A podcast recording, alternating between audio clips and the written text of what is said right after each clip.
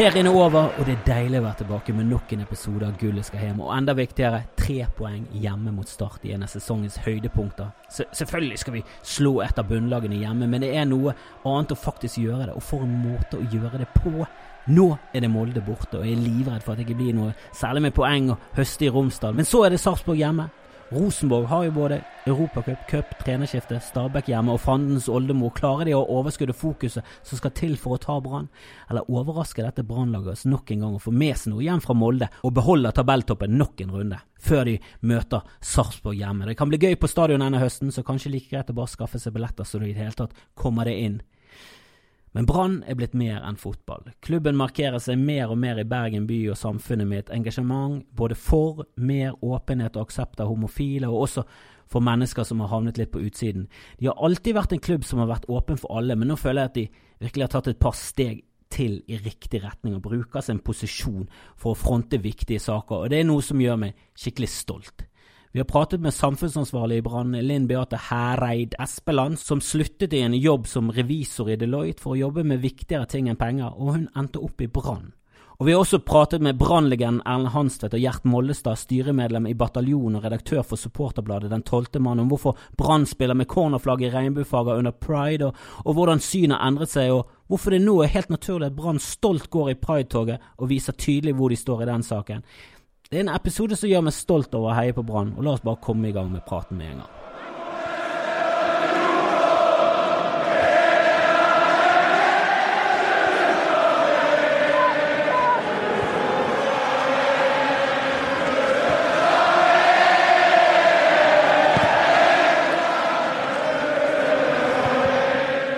Yes, jeg sitter her med Linn. Du har mange navn. Linn Beate Hæreid Espeland. Ja, Bruker det du alle?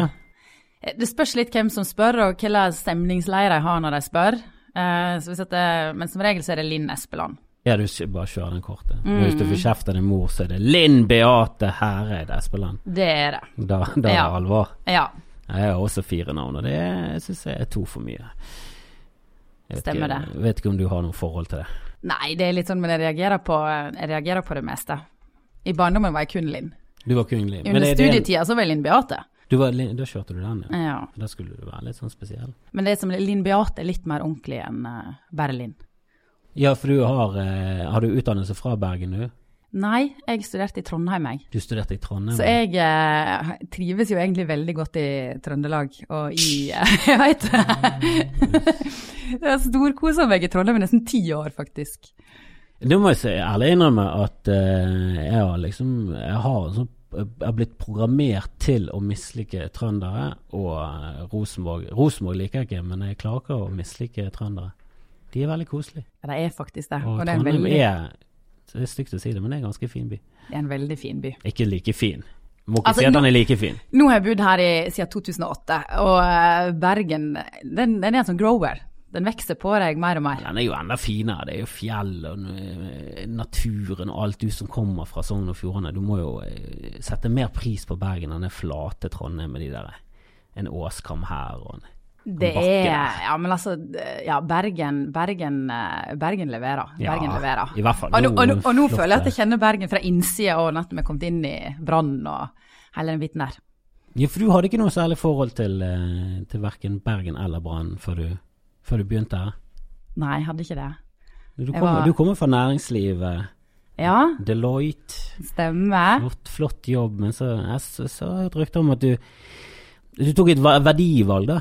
At du ville gjøre noe mer for samfunnet. Litt mer eh, ja, rette opp i de feilene som er. I hvert fall kunne påvirke i mye Ja. større grad. Eh, og det å kunne aktivere og engasjere andre, sånn at vi kan faktisk gjøre noe meningsfullt.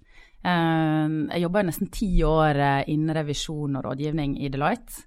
Og eh, kjente egentlig alltid at det, var, det, det er ikke helt rett, det her. Så når vi hadde, vi starta med noen samfunnsprosjekt Sist det satt sånn som det her, faktisk, det var i eh, Afrika, i Liberia. Da var jeg, da var jeg sendt ut i regi av Deloitte. De hadde hatt et klassisk prosjekt der en stor bedrift betaler skoleoppbygging i et land som trenger det, og så skulle vi bringe prosjektet hjem. Så eh, da satt vi faktisk i et studio i Bomi County i Liberia og snakket til flere tusen eh, der ute. Og eh, skulle engasjere da oss i Deloitte i prosjektet. Og da tente det en sånn liten gnist i løpet av den, den ferden der. Det å kunne være på besøk, møte folk direkte, se hva vi faktisk drev med, og komme hjem igjen og engasjere de hjemme i tillegg. Sånn at vi fikk en sånn stolthetsfølelse, vi som jobber i Deloitte, og at hva vi faktisk egentlig hadde vært med på. Så jeg tenkte dette vil jo jeg gjøre egentlig mye, mye mer.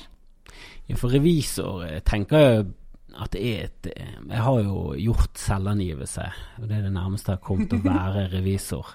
Eh, min egen, da. Og det er jo Jeg, jeg syns jo det er veldig tørt, da. Hadde du noe glede i det der? Å flytte på tall og finne feil og Ja, altså revisjon tror jeg er verdens mest underkommuniserte yrke. Og er helt perfekt for noen. Ja, for jeg har Um, møtt på revisorer som du, du ser de bare gløder når de forteller om, om det å levere en og hvor du skal putte tall. Altså, å gjøre regnskap. Du ser at det engasjerer de ek ekstremt. Og det, det, det, det er kanskje det som engasjerer meg minst i hele verden. Ja, jeg kan forstå deg veldig godt, det kan jeg. Men det er en stor samfunnsoppgave det òg. Det at vi faktisk kan stole på de tallene som kommer ut i et regnskap. Um, og kommer, det er jo ingen som kan si nei til revisor, så du kan komme egentlig som nyutdanna i en bedrift og spørre om akkurat hva du vil. Uh, og alle må svare deg, du må dokumentere, og du, kan, du, må, du må ha en forståelse for den bransjen du er i, da, for å kunne lete fram feil. Eh, du vil jo helst ikke at det skal være feil der, selvfølgelig, men du må jo kunne stole på det som står der til slutt. Men du må stå inne for det du leverer. Det må du. du. finne liksom alt. Ja, og det er en nøysommelig krevende jobb. Men du eh, følte at det ble litt, eh, litt lite givende da etter hvert? Ja, altså At du det, ville ha mer, da? Jeg ville ha mer. Ja. Eh, Men var veien rett til Brann, eller var du Det virker ikke det, jeg, jeg, ser liksom ikke helt koblingen mellom at jeg har lyst til å gjøre noe for Jeg har lyst til å gjøre mer for verden, jeg har lyst til å ta mer samfunnsansvar. Brann. Det er Nei, jeg kan fortelle litt om den der reisen der, for den er ganske spennende, egentlig. Det er eh, Jeg visste jo at det ikke var dette jeg skulle bli. Jeg skulle ikke bli revisor eller konsulent når jeg ble stor. Um, men um, eh, og, og det å se bakover i tid, eh, se på dokument som andre har produsert, grave eh, Jeg møtte utrolig mange folk, var ute i utrolig mange spennende bedrifter. Syns jo det var en utrolig fin bit av jobben, da. Og eh, mens jeg var i Deloitte, så fikk jeg mulighet til å være med på en del samfunnsprosjekt internt. Så fikk jeg en kjempemulighet der vi reiste til Afrika for å bringe hjem et prosjekt. Eh, Vi hadde bygget to skoler i Liberia og skulle engasjere de ansatte i den reisen og det prosjektet som faktisk var blitt gjort. Og i løpet av den reisen der, så, syns, så skjedde det egentlig noe. Eh, Jeg kjente en sånn glød og en iver etter å kunne gjøre mer den type arbeid. Én ting er å møte altså Det var utrolig spennende i seg sjøl å få lov til å være i Afrika og se hvordan prosjektet faktisk var blitt. Møte folk og den takknemligheten og eh, iveren eh, rundt det som vi faktisk hadde fått til sammen med dem. Eh, men så var det òg det å få det hjem, sånn at alle ansatte ble engasjert i den jobben vi hadde gjort. Men hva mener du med at uh, du skulle ta det hjem? Du, uh, dere bygget opp to skoler der, og så tok dere skolene med dere hjem, vekk fra Afrika? og bygde de opp i Årdal istedenfor? Det hadde vært veldig spennende. um, nei, det, var, det er jo på en måte å få bringe budskapet fram, da, selvfølgelig.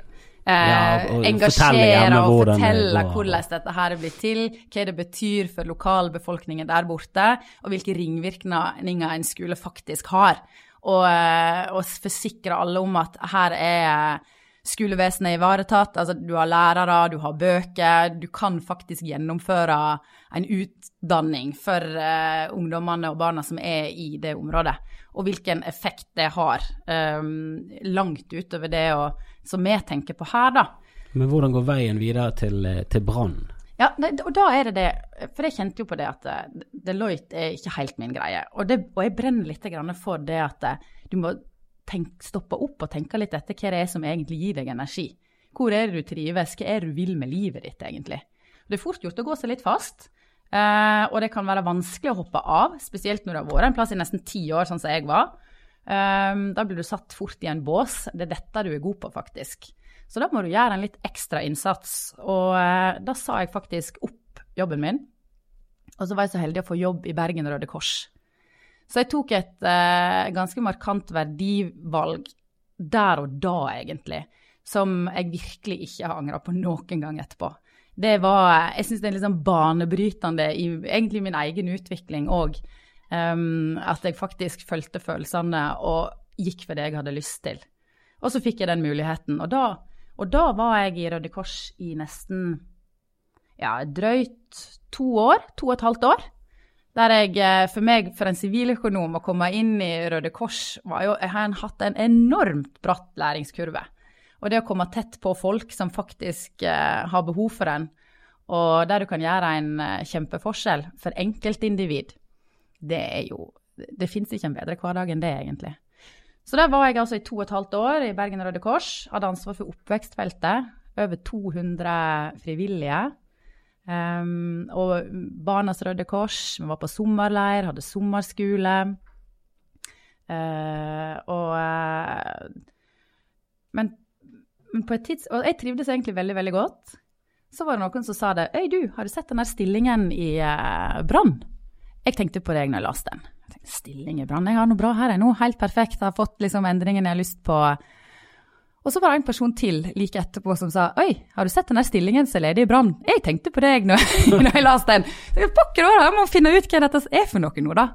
Og så leste jeg det. Da var stillingen som leder for samfunnsansvar uh, ute. Men var det en ny stilling som Nei. de nettopp hadde startet med? Den hadde vært der i flere år. Det var ei som het Hege Rokne som hadde den før meg. En fantastisk dame som har gjort et veldig godt stykke grunnarbeid, virkelig, og startet fra scratch. Jeg tror hun hadde hatt den i fem-seks år. Um, og så las jeg jo den stillingsbeskrivelsen, og det, det, var jo meg.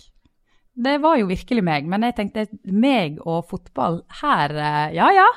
Men for, for du hadde ingen forhold til fotball? Nei, absolutt ikke. Ingenting? Nei, ikke i det hele tatt. Så, eh, så, det var ganske sånn, Men jeg tenkte på selve arbeidsoppgavene. Her har jeg jo virkelig mulighet til å gå all in. Eh, komme direkte, ikke via noen frivillige engang, men direkte inn i prosjekter. Her har du den profesjonelle siden fra Brann, det kommersielle, sammen med det gode og det varme. Eh, så det var en perfekt kombinasjon for min del, eh, som jeg har virkelig stortrivdes med i de snart to åra som jeg har vært der nå, da. Men det er nok ikke alle som vet hva Brann gjør for ja, det lokale miljøet og Bergen. Altså, eh, hvor, hvor, mye er det de engasjerer seg rundt omkring i, i Bergen og, og omegn? Og vi gjør jo utrolig mye. Uh, og vi skal gjøre enda mer i tiden som kommer. For det er jo utrolig viktig for oss at vi, for vi skal jo være en klubb som bryr oss.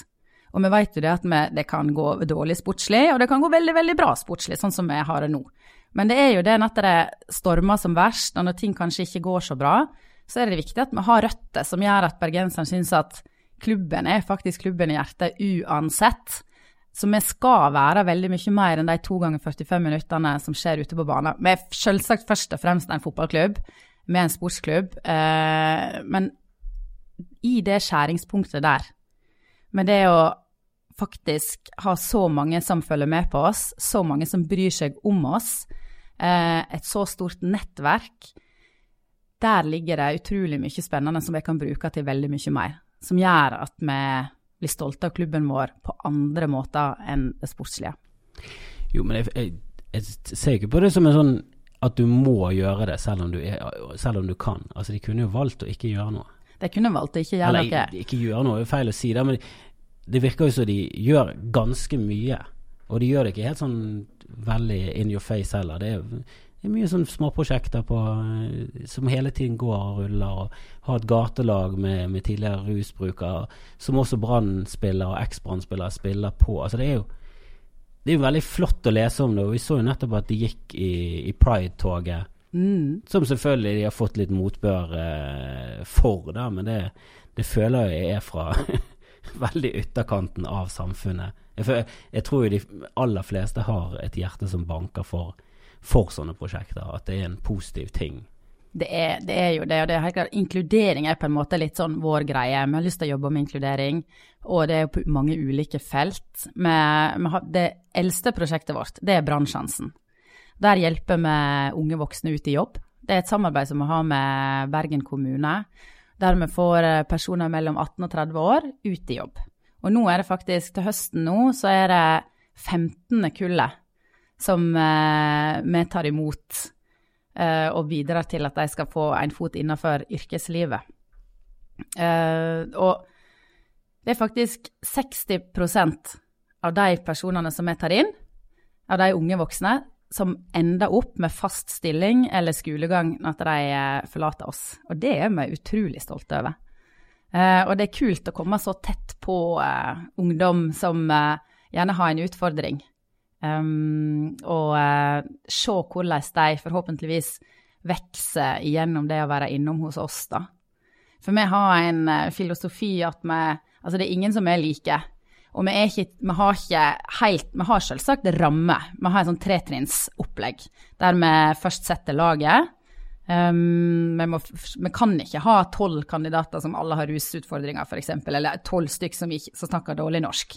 Men en og annen, det klarer vi. Og vi må ha en gruppe som vi tror fungerer godt i lag. Litt sånn garderobekultur eh, også i brannsjansen. Um, så bruker vi samarbeidspartnerne våre fylle på uh, litt fag i sekken, hva som må til for å lykkes i arbeidslivet. Uh, før vi tester dem på stadion, hvordan de faktisk fungerer i praksis. Hvor god er du på å møte opp om morgenen? Hvor god er du på å ta imot beskjeder, gjennomføre det du skal, samarbeide med andre? Alle disse tingene som arbeidsgiver er opptatt av når de vil ha deg ut i jobb, da. Er det så lite håp om å kanskje finne en sånn juvel som er utrolig god å spille fotball? Kanskje. Ja, ja.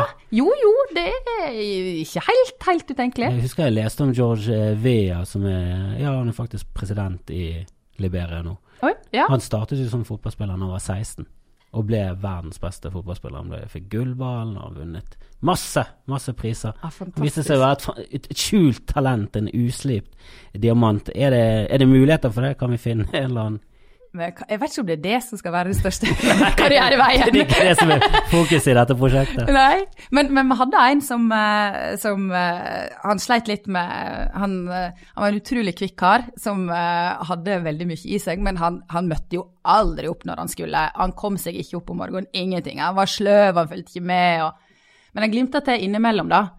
Også, også er det, med, med, rusfrie. Altså Du må signere på at det er greit at vi tar rustester av deg, for vi tror ikke det er forenlig med fast arbeid. Du må være clean.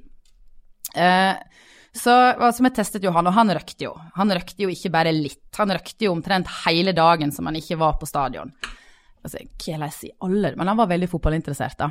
Og eh, tenkte ok, hva er det som kan motivere han? Vi prøvde alt mulig, for vi har liksom forskjellige innganger da, for å prøve å eh, engasjere deg. Vi gir ikke opp med en gang? Vi gir definitivt ikke opp med en gang. Det er litt av greia. Og vi må teste Noen har fått kjeft hele livet. Da funker ikke kjeft. Da må vi finne en annen uh, inngang. Uh, men han her, han, uh, han, røkte jo mange gram om dagen. Um, og hva er det som må til? Jo, OK. Nå, nå har du hele rødt på testen din. nå tester vi deg litt framover i tid. At du er clean og tisser clean i, i en god stund så skal du få være med A-laget. På trening. Altså, det var som natt og dag. Der traff vi en blink direkte. Han var presis hver eneste dag. Han slutta å røyke på dagen. Det er helt utrolig. Og fyren ble en helt ny person. Han sto opp, han var våken, han fikk mer penger. Han eh, fikk med seg det som skjedde. Han syntes egentlig det var ganske kult å eh, oppleve verden helt, helt rusfri. Og, um, det, og han endte jo opp med å være med på trening til A-laget. Det er Daniel Bråten. Hadde vært litt gøy. Men eh, Så du får jo mye Jeg ser at du får mye pokaler, fine kort, kaker for de som er med på, på gatelaget. Hvordan er det? Hvordan er det? Og gatelaget, de er jo, det er på en måte, Jeg er jo den store mora da, til de på gatelaget, så jeg har ganske mange barn. Du kan fortelle litt om gatelaget? Ja, Gatelaget det er jo eh, et prosjekt eh, for personer som har eller har hatt utfordringer med rus. Eh, og linken de har, det er at de er lidenskapelig opptatt av fotball. De har lyst til å spille fotball og lyst til å bli rusfrie. Så to ganger i veka så, vi, så er det frokost og trening og lunsj hos oss der kriteriet er at du må være rusfri. Du må være nykter når du er på trening, og du må oppføre deg, og du må være tidsnok. Så, eh, og det har vi drevet på med nå i snart tre år, og vi ser jo det at det, det gir en identitetsfølelse for de spillerne vi har på laget, og det samholdet og den gnisten de har sammen, og den teamspiriten de faktisk får, det at nå er ikke du bare rus, nå er ikke du den rusavhengige. Nå er du faktisk spiller på eh, Du spiller på Brann, du tar på deg drakt, og du ser at de vokser med at de kler på seg. Og er en del av Det er viktig å skifte litt eh, miljø for å komme seg ut av, av rus. Er det ofte Problemet er jo ofte at du ikke har et annet miljø. Du har, ingen, du har ingenting å falle tilbake på hvis Mm. du sliter med det. Du har, det har gått for langt inn i rusen til at du har andre venner, og så til slutt så sitter du igjen der alene. Og da er det er alternativene. Alene eller sammen med ruskompisene. Da er det fint å ha annen, et annet tiltak å ta seg til. da. Ja, det er det. Og så er det lystbetont. Det er noe du Ja. har lyst til, og noe du brenner for. Uh, og du blir savnet. Altså er det, det, det er jo folk altså det er jo, det er jo ikke strake veien til himmelen på noen som helst slags måte. Det er jo ingen som slutter, og så er, du, og så, så er Nei, nei, problemet nei, over. Og det er sikkert mange som faller tilbake. Ja, ja, ja, det er en voldsomt kronglete vei. Eh, men det å altså Til å begynne med så så vi målet er at de skal ruse seg mindre, fordi du må være nøktern. Og da bør du være nøktern dagen før trening, og sånn at du faktisk kommer deg opp til trening. Og så har du trening, har du fått på en måte din rus, og så trenger ikke du å ruse deg kanskje dagen etterpå. Um, men det å, det å bli det å bli personifisert Du er, du er en spiller på gatelaget Navnet ditt blir brukt. Folk veit hvem du er. Eh, vi sender meldinger til personer som ikke har vært der på en stund. Det å bli etterlyst, det at du faktisk er viktig eh, for et lag, det er for mange ganske nytt. Hvor my mye er spillerne involvert i dette? Er de med på trening? eh? Peter eh, Orri han har vært med en god del. Og så keeperne våre som, som nå har sluttet, da, Pjotr og Alex, var veldig engasjert i gatelaget. Eh, Alex hadde egen keepertrening for, eh, for keeperne. Og altså, jeg tror at keeperne på vårt gatelag de, de har de mest fancy keeperhanskene og godt utvalg, virkelig. de får fra A-laget. Hvilken rolle har han Hanstvedt eh, i dette? Jeg har hørt at han er også eh, involvert i dette prosjektet. Ja, han er jo en nøkkelperson. Han er jo eh, han er den fysiske treneren. Det er han som er trener. Han har alt det sportslige, heldigvis. Og så tar jeg meg av det andre rundt. Så han har vært trener for gatelaget i ja, to godt to år, to og et halvt år. Og er fast tirsdag og torsdag og kjører treninger. Og han har jo et proft opplegg. Um, og det er jo en enorm fysisk utvikling på spillerne. Fra å komme dit hvor du melder på å dø etter fem, eh, etter fem minutter, så må du ha en røykepause, og så er du på en måte på'n igjen, til å faktisk være ganske god. Vi overrasker ganske mange når vi spiller mot dem. Vi har jo vært med på noen cuper og Så hva skal til for at jeg kommer med på dette gatelaget? Må jeg ha rusproblemer? Dessverre, eller kan, du, du må dessverre ha hatt eller kan jeg bare slite med litt overvekt og, og dårlige holdninger? men, men, du, men du sa det, han tar seg av det sportslige. Jeg har forstått det sånn at du ikke Og det har du snakket om, at du ikke visste så mye om Brann. Du var liksom ikke noe interessert i fotball. Eh, hva tenker du om det nå, da? Du, ser, du, ser du hvorfor folk er interessert i klubben? Ja, veldig. Um, altså, jeg, men jeg tror, det, jeg tror det var egentlig en fordel at jeg ikke visste så mye før jeg gikk inn, for da gikk jeg inn med helt blanke ark. Og, eh, og jeg kjenner jo på det etter hvert som du blir kjent med personer og kjent med klubben. og du, altså, det blir jo et helt annet engasjement, og når du får med deg den følelsen når vi vinner og når vi taper altså, det er jo, altså, Livet er faktisk litt gøyere med fotball. Du har jo noe å glede deg til hele tid. Men hvordan var det da Altså Den første kampen, kan du huske liksom hvordan det var å stige opp av trappene og gå inn på tribunen? Altså Hvordan var det der med musikken og nystemt? Og det er helt fantastisk. Jeg er jo en person som lett lar meg engasjere. Så eh, det Altså, det, det er stort. Innmarsjen, nystemten, altså det jubelbrølet, store stå, det at alle eh, Nei, det, det, det er utrolig fint. Jeg husker det fra den dagen jeg var på jobbintervju òg. Så kom jeg opp eh, trappene ved administrasjonen, og så ble eh, intervjuet holdt oppe i losjen. Kom opp der og ut på stadion var sånn wow. Ja, her vil jeg jobbe. Ja, for det er en litt sånn spesiell eh, atmosfære eh, når det ikke er publikummere der. Når det alltid er tomt, så allikevel Det er nesten så det er en sånn dur som ligger der. det er en eller annen energi. Ja, men det er det. Det er det. Jeg husker vi var innom og så spilte vi inn en sånn tullefilm. Eh, så fikk vi være så heldige at vi fikk lov til å, å bruke Brann stadion. Og vi ble tatt imot veldig bra. Og så fikk vi egentlig fri tilgang til banen. Mm. Og da gikk utpå der, og, og da var jo den eh, tribunen som revet noe, den var der fortsatt. Og vi sto liksom midt på midtbanen der, så var det liksom Herregud, det er et eller annet spesielt der. Ja, det er det, og vi merker jo det. og Det er jo det som er så fint, også, for du får en sånn stolthetsfølelse rundt eh, prosjektene våre.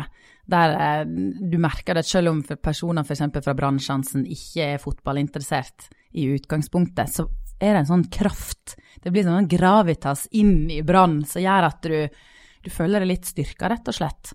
Gjennom det. Du er på innsiden av noe som eh, veldig mange andre er nysgjerrig på. Ting som det står om i avisene. Det er folk, eh, folk er opptatt av hva som skjer på stadion, og da, da er det jo utrolig kjekt å kunne være på innsida. Er hjertet ditt i brann nå? Ja, helt klart. det er ingen tvil om det. Men jeg får litt tyn da, fordi jeg er sogning. Jeg gjør jo det. Hvorfor får du tyn for det? Jeg elsker sogninger. Ja, men så godt å høre. Så godt å Er det noen som ikke liker sogninger? Nei, det er vel ikke Det er jo trivselsfylke, det. Så eh, nei da, jeg er blitt veldig godt tatt imot. Ja, vi blir jo snart i samme fylke òg. Ja. Tusen takk for at du stakk innom. Bare hyggelig. Veldig hyggelig. Ja, Linn eh, Beate snakket om gatelaget, og treneren der er en som har fulgt det i hele hans karriere. Erlend Hanstvedt.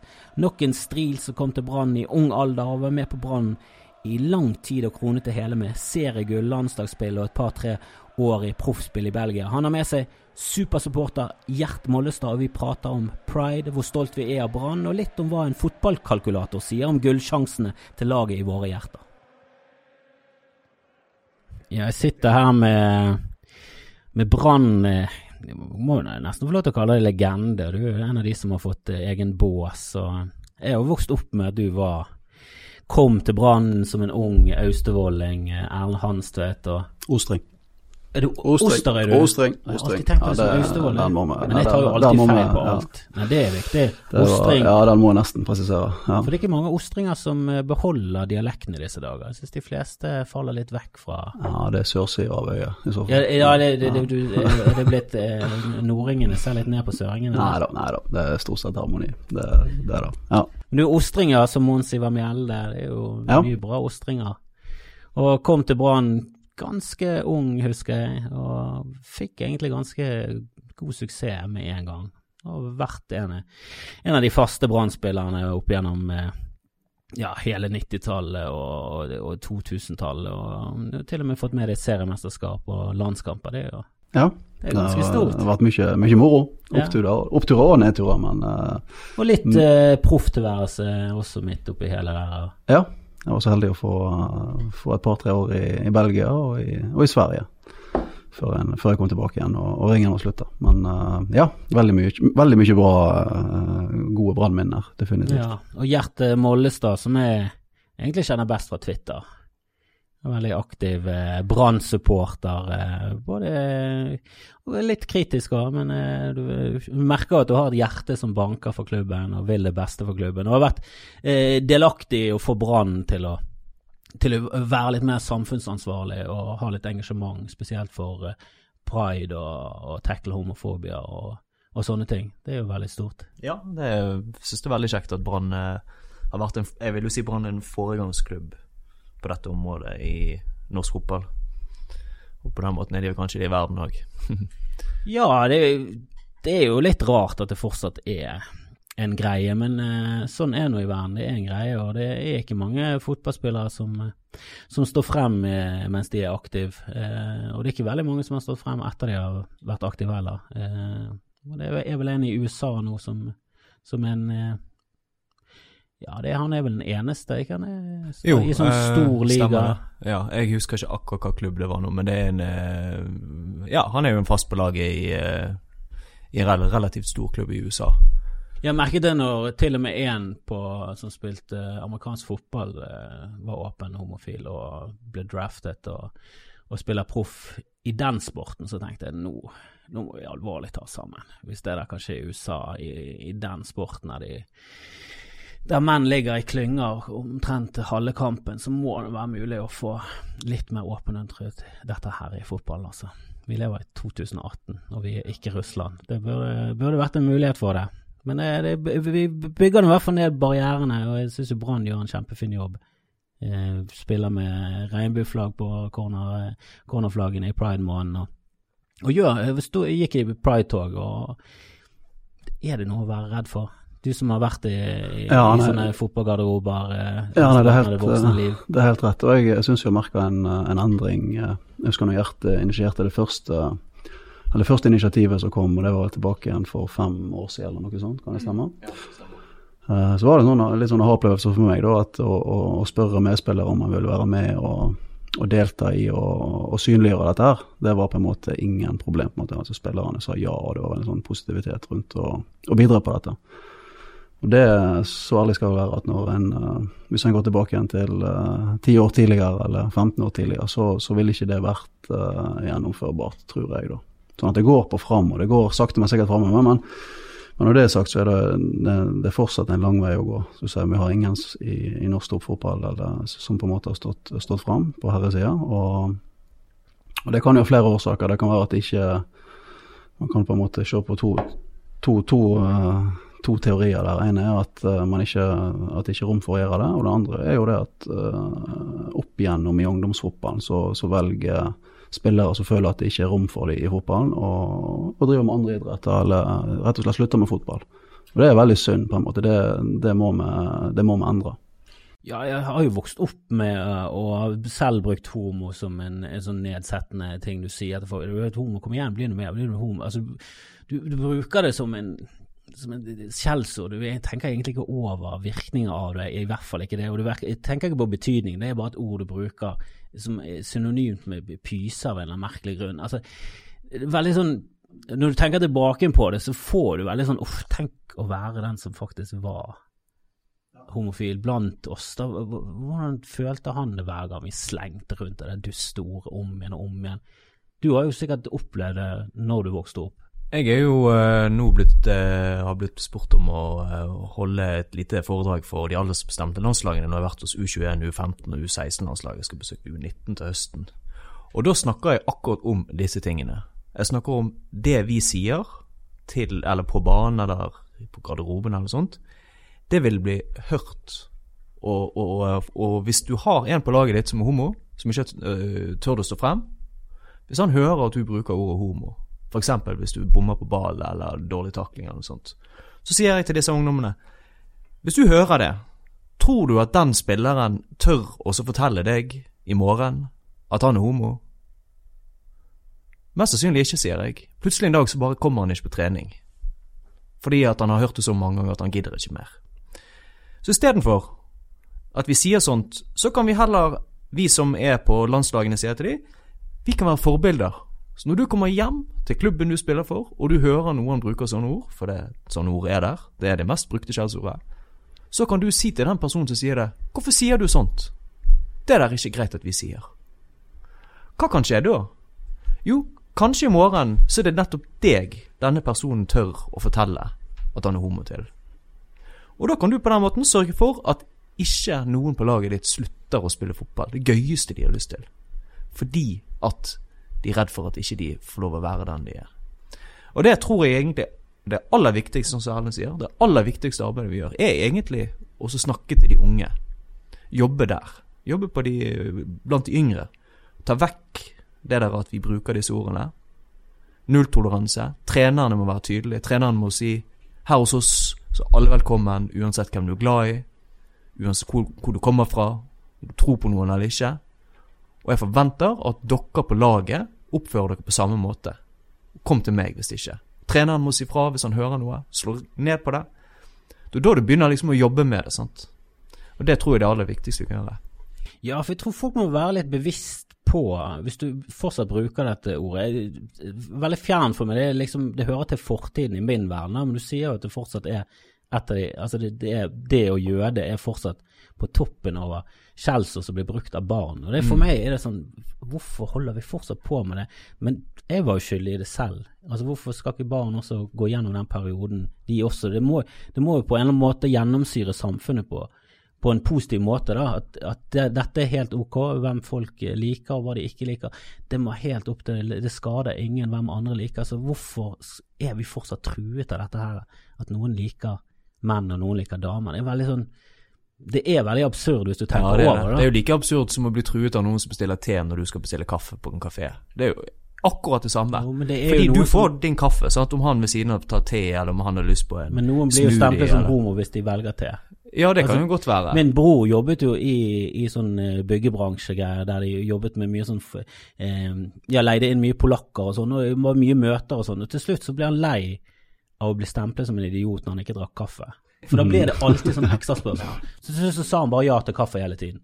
Og så satt han og latet som han var en av, av gutta. For det, det var i byggebransjen så drikker du kaffe. Sånn er det. Du, du skal ikke endre på det. Og du kan ikke spørre om te, det er du helt idiot. Så det, da ble det til at han bare, bare skulle gli inn i mengden. Og jeg tror det, tror det er litt av det som er problemet, at hvis du er den første som, som skiller det ut, så skiller du det veldig ut. Du blir, det du blir historisk. Det er kanskje ikke alle som har mot nok til å bli den første. Det er ikke alle som kan være Kim Friele, liksom. For det er det du blir innen fotballens verden. Hvis du, hvis du blir den første fotballspilleren, så kommer du ikke bare i Norge, det kan være at du får internasjonal berømmelse av det. Og da Jeg føler at listen er lagt veldig høyt, da. Ja, men det er jo også en, en annen ting jeg tenker, det er jo derfor det igjen er så viktig at vi, vi, vi sørger for at ikke folk velger vekk i yngre alder. Fordi jeg, jeg tenker jo det, det, flotteste hadde jo vært at en eller annen tredjedivisjonsspiller var åpen når han var 17 eller 18. Og så ble han signert for en førstedivisjonsklubb, og så var han god nok for Brann, og så var han bare åpen homo hele veien gjennom. Det, ble, det var liksom ikke noe sånn stor greie, sant. At det, at det var naturlig.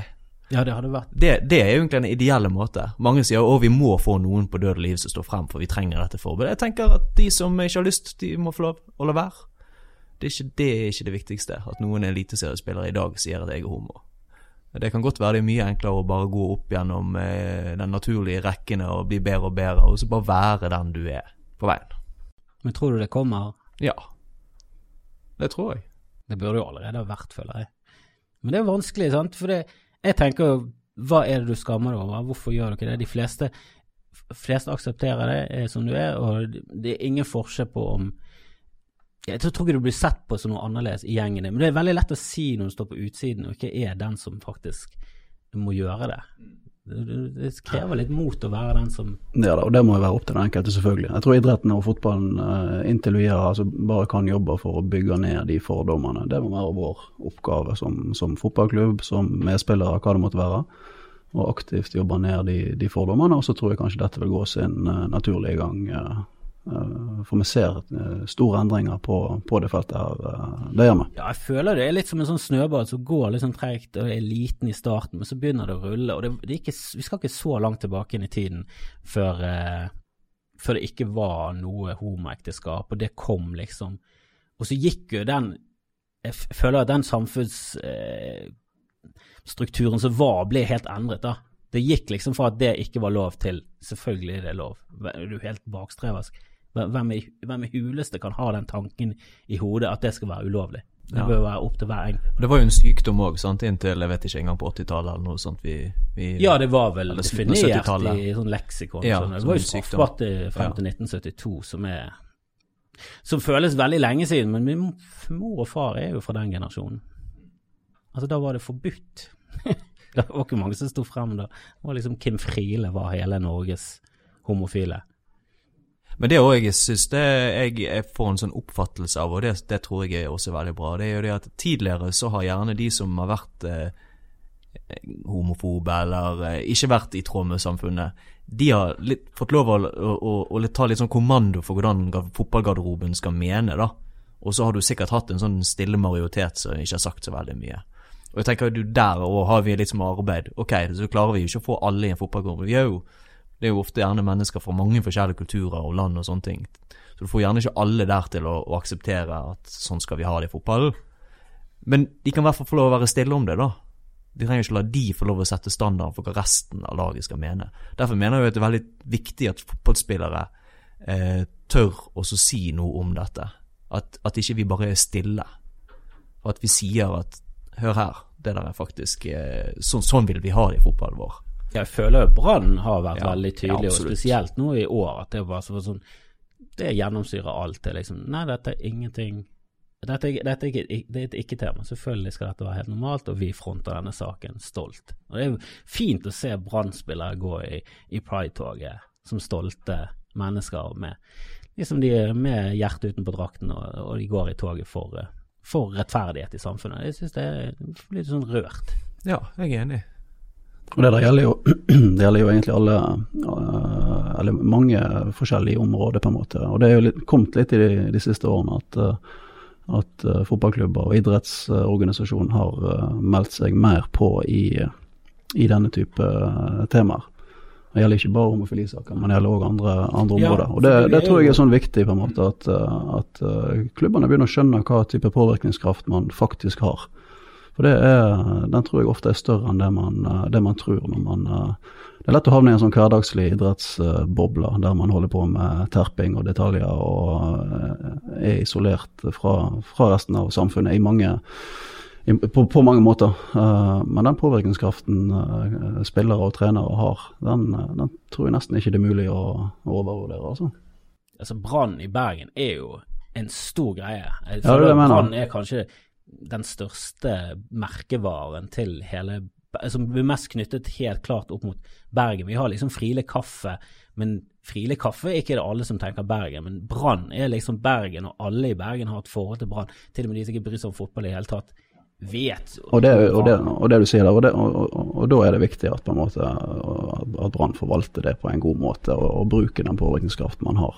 Ja, for det er på en- absolutt på en ikke noe måte, de, det- de må gjøre, men det er jo noe de Nei. velger å gjøre. Det er jo Ja. utrolig fint at de velger å fronte veldig viktige, fine saker. Og du er jo treneren på, på gatelaget, som også er en veldig ja, veldig fin eh, side, et sideprosjekt som Brann også holder på med, som de absolutt ikke hadde trengt å gjøre noe med, men allikevel så engasjerer de seg. Ja, og det, Kan du fortelle litt om det gatelaget? ja gatelaget er et eh, sånn strålende tiltak for uh, mennesker som har eller har hatt uh, rusutfordringer.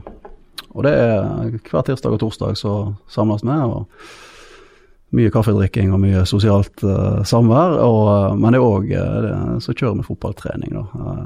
Og det Der er det veldig mye fint som skjer. Nå har vi holdt på i tre år, og vi har bygd, egentlig bygd et lag, bygd ei gruppe som, som har fått si, blitt en eh, Virkelig blitt en del av Brann. Altså på en måte en er en del av, av Brann-familien. Eh, og um, det fungerer veldig bra. Det er klart det, er- det er tøffe tak av og til, det, det skal ikke man legge skjul på at det er. Det er en, eh, altså Rus er alvorlig, på en måte. og Det, det er ofte to steg og fram og, og ett tilbake. Men, eh, men eh, jeg gleder meg til å gå på trening med den gjengen der hver, eh, hver dag. Og det er eh, det er mye framgang å spore òg, på en måte. Vi har, eh, vi har ganske mange spillere nå som har kommet seg ut i, i arbeidslivet, eller tilbake igjen til arbeidslivet. Og det, og det er veldig kjekt å, å være med på og, få oppleve. Ja. Ja, Det er jo veldig fint å ha noe å tilby, da. Det er jo ofte det som er problemet hvis du, hvis du har kommet inn i rusproblemer. At du, du har veldig lite å falle tilbake på hvis du vil ut av det miljøet. Så er det Du vil ikke tilbake inn til de samme gamle greiene, og så har du ingenting annet å gjøre. Nei. Og så er det lett til at Hva, hva annet skal du gjøre? Sitte hjemme hele dagen? Ja. Hver eneste dag, måned ut og måned. Du må ha noe tiltak å, å gjøre, da, noen rutiner som, som er på noe eh, Som er mye sunnere og finere enn å, å gå og ruses hele tiden. Og det er jo veldig, veldig kjekt at Brann engasjerer seg i den saken, som jeg syns også er en utrolig viktig samfunnssak. Ja, jeg er helt enig, og jeg, jeg, jeg, jeg er jo sånn, blir jo sånn stolt som supporter, og så ser jeg det at, eh, at Brann bryr seg. At Brann stiller opp. For de, som du sa i sted, de, de kunne jo latt være. Men de, men de gjør det, sant. De bruker tid og anstrengelser og, og penger på å være en klubb for alle. Og jeg ser jo det at de Brann har jo jeg, jeg vil jo egentlig si at Brann nå er det nye Brann. Vi er en klubb som, som har strekt oss mye lenger ut og tar imot folk. Men Jeg merker jo det også på hvordan måten eh, Brann kommuniserer med supporterne sine på, og, og tar de inn i varmen. Jeg føler at liksom Brann er en sånn koselig sånn der peis hvor alle kan få lov å komme og få litt varme. Og det er jo en sånn type klubb jeg har lyst til at Brann skal være. Og så syntes jeg det var så kult når, eh, når, når eh, Sparebanken Vest skulle reforhandle avtalen med Brann. Det var jo det året Brann rykket ned. Og da sa de at en av de tingene som gjorde at de var så stolt av responsen til Brann, det var at Brann tok sitt samfunnsansvar. Og det er kjekt, fordi det betyr jo at de som er utenfor, som investerer i klubben og har lyst til å de òg syns dette er bra. Og det, det gleder meg. Jo da, det er jo, det er jo selvfølgelig noe merkevarebygging også inne, men jeg føler at Brann ikke driver og melker dette hele tiden. Jeg føler at de har et samfunnsengasjement, og det hadde de til og med når jeg var liten og gikk mye på stadion. Så var jeg Jeg har jo vært inne i den klubben pga. min far som var lege, og, og sett hvordan de alltid har tatt vare på på vanskeligstilte i samfunnet. Alltid, jeg husker vi reiste på en treningskamp, og så var Lampe en av de liksom, en sånn god gammel uteligger i Bergen som alltid vært på skråplanet. Men han, han var med i bussen, for de har alltid tatt, alltid tatt vare på på også de svake i samfunnet, og, og, og aldri vært noe sånn skrytete eller gjort det for fordi de skal kun tjene penger på det, men også gjort det fordi at nei, vi er i den posisjonen vi er, vi har en sterk merkevare i Bergen, vi, er, vi, har, vi har rett og slett eh, makt i denne byen. Vi kan, vi kan velge å, å kun være sportslige, og vi kan velge å, å spre oss litt ut på andre felter. Og, og det, jeg synes det er utrolig kjekt å følge en klubb ha, som, du, som du elsker, og så gjør de veldig mye sånn riktig, da. Som jeg føler er ikke bare for å, for å bygge en kul merkevare, men også fordi at det er litt det er litt i sjelen til Brann å ta vare på Bergen. Da. Det synes jeg er utrolig fint. Ja, og det, det, det skulle bare mangle. Sånn skal det være i min verden. Altså, det er en, en, en fotballklubb som har så mye flott interesserte folk og, og så stor interesse rundt seg, den, den, skal ta det ansvaret på en måte og, og, og gjøre det. Og Det er jo kjekt å høre at du sier det, at, dette er ikke noe som man gjør for eller, det er ikke noe sånn, det er ikke, Dette er ikke et PR-stunt. Dette er en genuin, et genuint ønske blant uh, Brann sine medlemmer og alt om, om å gjøre denne type arbeid. Og det blir gjort, og det er dag ut og dag inn. Så det, det er bra at du sier det. ja. Ja, så var det utrolig kjekt å se Brann mot uh, Start. Og Ja, det var veldig kjekt. det ble faktisk en, eh, en bra, bra start på høstsesongen, og la oss håpe at denne høstsesongen blir, blir en av de bedre. Vi, Det tror jeg han blir. ja, det hadde vært det- utrolig, utrolig kjekt. Nå blir jo neste kamp ekstremt uh, både vanskelig og viktig. Jo, men samtidig så kan du liksom gå løs på han med en helt annen inngang enn det du kunne hvis, eh, hvis man ikke hadde løst den startkampen på den uh, flotte måten som man gjorde. Det kunne blitt en skikkelig sånn Det kunne blitt en knekk. Ja, og nå kan en reise opp der og, og ja, en, har- en har lagt bak seg på en måte det, den turbulensen som har vært inn mot startkampen, og, og en er på en måte tilbake igjen på sporet, sånn som jeg, eh, sånn som jeg ser det.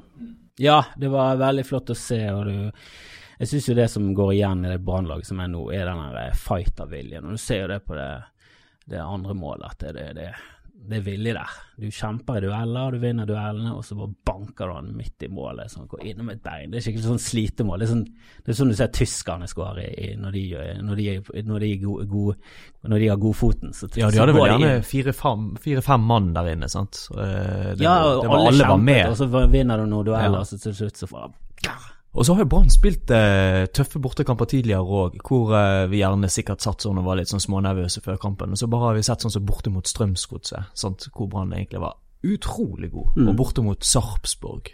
Altså, det, første omgangen i begge de to kampene jo Det var jo Altså, hadde Strømsgodset ballen den første omgangen? Sant? Og det ble jo bare ett poeng, men det skal jo Strømsgodset være sjeleglad for. Ja, Fordi, men der eh, var det også det var De fikk sånn, en i et trynet, sånt- og så kommer du helt Og så klarer du likevel å hente deg inn? Barmen også sånn Ja. Det var også et sånn fightermål. Ja, ja. Det er et skudd som går litt skeivt, og så slenger han frem beinet, så går han inn, og så Det er et herlig poeng, da. Det er, Ja, det kan er så. Det er fortjent, sånn og det burde vært tre, men, men du klarer vi å fighte til oss et poeng i Molde, så er jeg storfornøyd, altså.